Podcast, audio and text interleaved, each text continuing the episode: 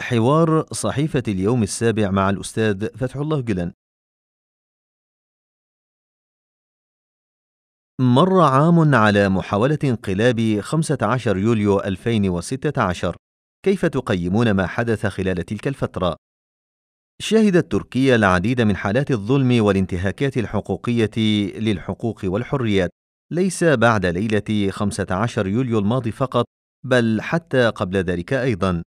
ولعل أسوأ فصول ذلك هو فقدان القضاء التركي تماما لاستقلاليته وسيطرة الحزب الحاكم عليه بالكلية اعتبارا من عام 2014 أما الممارسات القمعية والانتهاكات الحقوقية التي تعرض لها عشرات الآلاف من المدنيين في أعقاب أحداث 15 يوليو فقد بلغت حدا رهيبا لم يشهده التاريخ التركي من قبل حتى إن بعض الصحف والجرائد هنا في أمريكا بدأت تقارن ما تشهده تركيا الحالية بسياسات مشاهير القمعيين من أمثال جوزيف ستالين وماو تسي تونغ يتهمونك بالوقوف وراء محاولة الانقلاب الفاشلة التي دبرت ضد أردوغان فمن المسؤول عن الانقلاب؟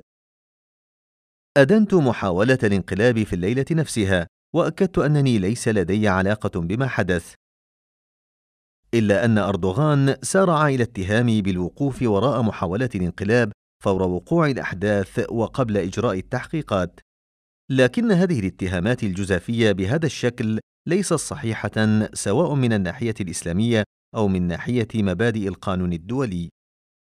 أنا لست في موضع يسمح لي باتهام هذا أو ذاك أو هذه المجموعة أو تلك بتدبير محاولة الانقلاب، ولكن بحسب تقارير بعض المراقبين والمحللين فإن مجموعة من القادة القوميين المتشددين العلمانيين دبروا تحركا يعطي انطباعا بأنه انقلاب ولكنه ليس انقلابا حقيقيا. كان الانقلاب مصمما على مزاعم لتصفية عناصر الجيش من المتعاطفين معي والتقليل من هيبة المؤسسة العسكرية في نظر الشعب وتقوية قبضة أردوغان على الجيش وإحلال ميليشياته ضمن المؤسسة العسكرية.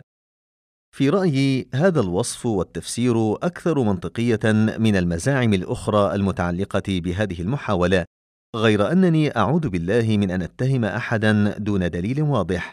لذلك اقترحت على أردوغان أن يسمح بإجراء تحقيقات دولية لتقصي حقيقة ما حدث في تلك الليلة، وأعلنت أنني على استعداد لشراء تذكرة الطيران على حسابي الشخصي والذهاب إلى تركيا بنفسي في حال إدانتي عقب هذه التحقيقات، إلا أن طلبي قوبل بالرفض من طرفه. كيف ترون قيادة أردوغان؟ ناقش الحقوقيون الوضع القانوني لشغل أردوغان منصب رئاسة الجمهورية نظرا للمزاعم الواردة حول تزوير شهادته الجامعية، كما ادعى الآخرون أن الانتخابات كانت غير عادلة وشهدت عديدا من عمليات التلاعب في النتائج. إذا استثنينا مثل هذه الأمور فإنني أكن كل الاحترام والتقدير للشعب التركي واختياره مهما كان حتى وإن اختار راعيا للأغنام في الجبال لقيادة البلاد. ولكنني لا أرى أن أردوغان يمتلك صفات كافية ليتولى منصب رئاسة الجمهورية. وعند الحديث عن الفساد لو كان أردوغان قد سمح باستمرار تحقيقات الفساد في ديسمبر 2013 لأمكننا الاطلاع على الحقائق. إلا أنهم مع الأسف أغلقوا الملفات وسيطروا على المؤسسة القضائية تحت عباءتهم السياسية وبهذا يكون من المستحيل معرفة الحقائق عن طريق القضاء. أما بخصوص الاستبداد فالرأي العام العالمي مجتمع على هذا الرأي، إذ بدأ يسلك طريقا أكثر استبدادية عقب الانتخابات البرلمانية الثالثة في عام 2011 فهو الآن يسير في طريق أسوأ زعماء مستبدين عرفهم التاريخ. ماذا يمكن أن يفعل الشعب التركي جراء حالة القمع التي يواجهها؟ وهل يمكن مقاضاة أردوغان دوليا؟ يبدو للأسف أنه لم يبقى أحد قادر على أن يقول له كفى فالذين حاولوا أن يقولوا ذلك هم الآن في السجون. أما المعارضة فحالتها يرثى لها. إذ لم تتمكن من تفعيل الطرق الديمقراطية لإيقاف أردوغان عن استغلال صلاحياته الرئاسية والدفاع عن الحقوق الدستورية للمواطنين الأبرياء المعرضين لشتى المظالم. بعض ممثلي المعارضة عملوا بمبدأ البراغماتية إزاء الأحداث، لكنهم كانوا مصابين بقصر النظر، فقد سمحوا باستمرار الظلم لأنه لم يستهدفهم، بل كان موجها ضد المجموعات التي لا يحبونها، ولم يضعوا في حسبانهم أن الدائرة ستدور والظلم سيطالهم أيضا في يوم من الأيام. أما الشعب التركي فلديه القدرة على التعبير عن استيائه وانزعاجه من ظلم أردوغان بالطرق الديمقراطية والسلمية، لكن يبدو أننا بحاجة إلى مزيد من الضحايا حتى يعم هذا الشعور ويتحول إلى صرخة مدوية. أما الدعاء فهو أحد واجباتنا تجاه الله تعالى، ولا يرتبط بأسباب وحالات وظروف معينة. إننا سنستمر في الدعاء، كما سنشجع الجميع على الدعاء، إلا أن التوسل بالأسباب هو واجب آخر يقتضيه احترامنا للقوانين والسنن التي وضعها الله سبحانه وتعالى في الكون. أعلنت بعض الدول العربية قطع علاقاتها الدبلوماسية مع قطر. كيف ترون العلاقات القطرية التركية عقب تلك الأحداث؟ وما رأيكم في إقامة تركيا قاعدة عسكرية في قطر؟ اسمح لي لا أريد أن أتطرق إلى قضايا تمس دولا أخرى. رغم افتضاح سياسة أردوغان الداعمة لداعش والتنظيمات الإرهابية وتحريضه ضد مصر بإيوائه عناصر تنظيم الإخوان، ما سر صمت الرأي العام العالمي والمؤسسات الدولية على هذه السياسات؟ لم أقتنع قط أن أردوغان يكافح تنظيم داعش الإرهابي بصدق، فمن ناحية يتظاهر بأنه يقدم الدعم للتحالف الدولي من أجل القضاء على التنظيم، ومن ناحية أخرى يقدم سلاحا ومعدات عسكرية للتنظيمات والجماعات الإرهابية المتشدده والمتطرفة في شمال سوريا. فمقاتلو داعش يتلقون العلاج في المستشفيات التركية ويتم إطلاق سراحهم دون إخضاعهم للتحقيق. وقد تناقلت وسائل الإعلام المحلية والرأي العام أخبار اعتقال واحتجاز ضباط الشرطة المتخصصين في مكافحة الإرهاب. ولكن أعتقد أن الولايات المتحدة الأمريكية والاتحاد الأوروبي لا ترغبان في اتخاذ تدابير جادة قدر الكفاية لأسباب مختلفة منها موقع تركيا الاستراتيجي واستضافتها للنازحين السوريين. كما أعتقد أنهم يحاولون ابتزاز مصر والتدخل في شؤونها من خلال استغلالهم لجماعة الإخوان. ما مدى الظلم الواقع على حركة الخدمة من أردوغان ونظامه؟ لقد أغلقوا كل المؤسسات التي لها صلة قريبة أو بعيدة مع حركة الخدمة داخل تركيا، بل ونقلوا ملكياتها لآخرين، وفصلوا ما يزيد عن 120 ألف موظف، وألقوا ما يزيد عن 50 ألف مواطن في السجن، من بينهم عشرات الآلاف من السيدات.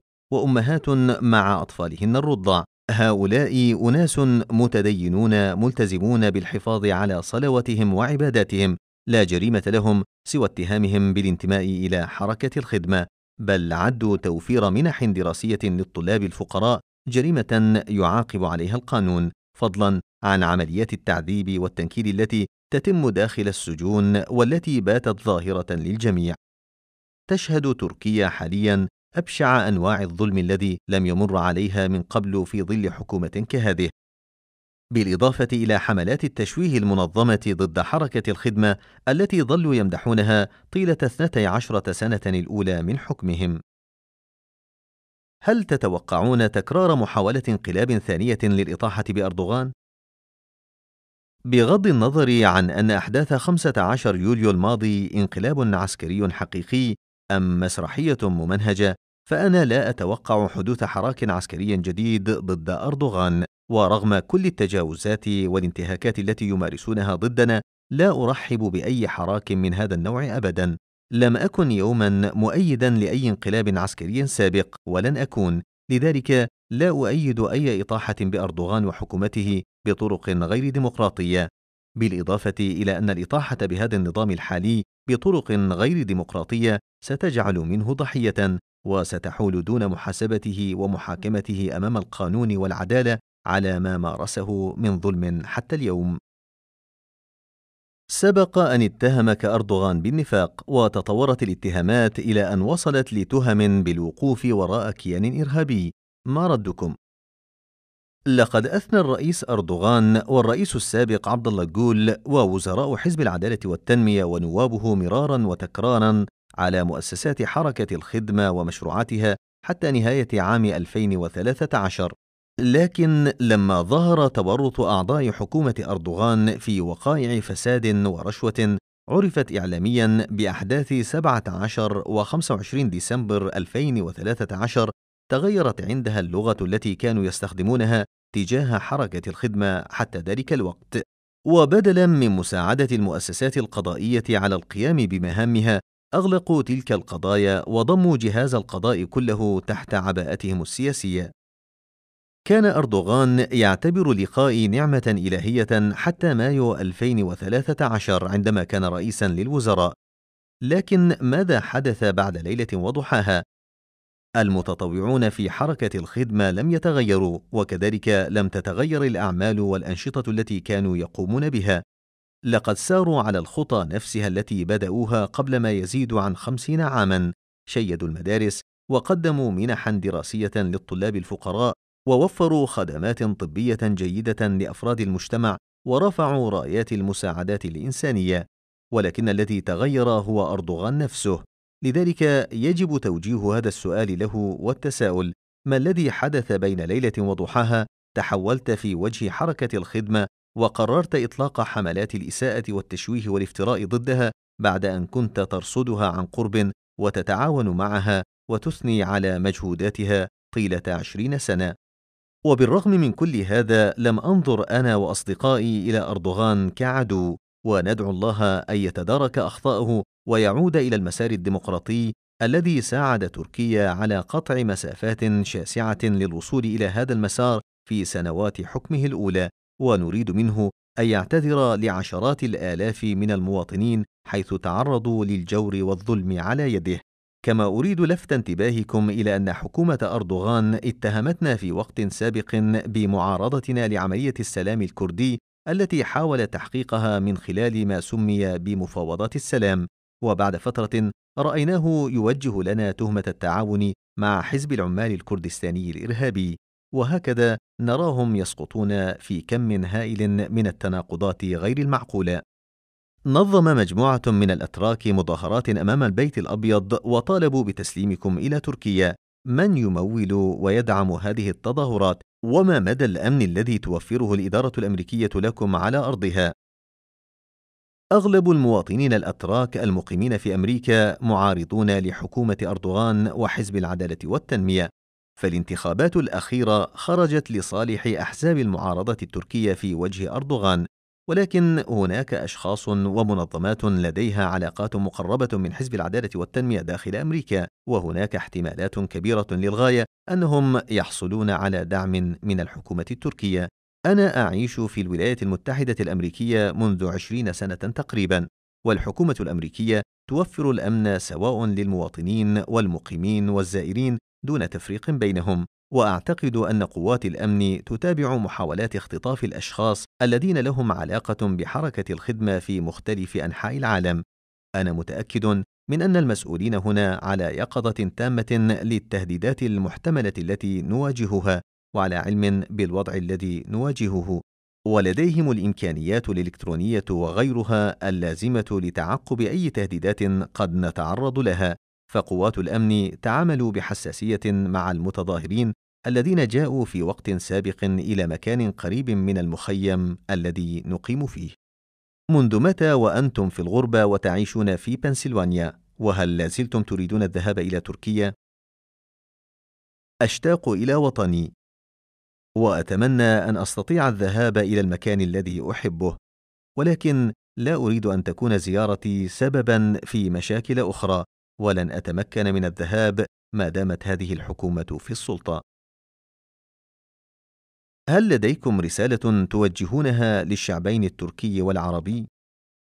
القواسم الإنسانية والدينية المشتركة بين الشعبين التركي والعربي تدفع إلى مزيد من توثيق العلاقات والروابط بينهما ومن ثم كان ينبغي استثمار هذه القواسم لمصلحة شعوب هذه المنطقة لكننا مع الأسف نعيش أياما صعبة حالكة السواد فالجغرافيا التي نتقاسمها تشهد حاليا اختلافات وظلما وفتنة لم يشهدها التاريخ من قبل فمن ناحية تتفنن التنظيمات الإرهابية في استعراض وحشيتها وإلحاق أضرار بالغة بصورة الإسلام الناصعة في جميع أنحاء العالم ومن ناحية أخرى تستثمر بعض الأنظمة تواجد هذه التنظيمات الإرهابية في جغرافيتنا من أجل مصالحها الشخصية الضيقة فتقدم الدعم سرا لها وتعمل على تخويف مواطنيها وإرهابهم علنا منها. لذلك أدعو المسلمين كافة أن يتوجهوا إلى الله عز وجل بالدعاء والتضرع من أجل خلاص العالم الإسلامي من هذه الفتن والشرور.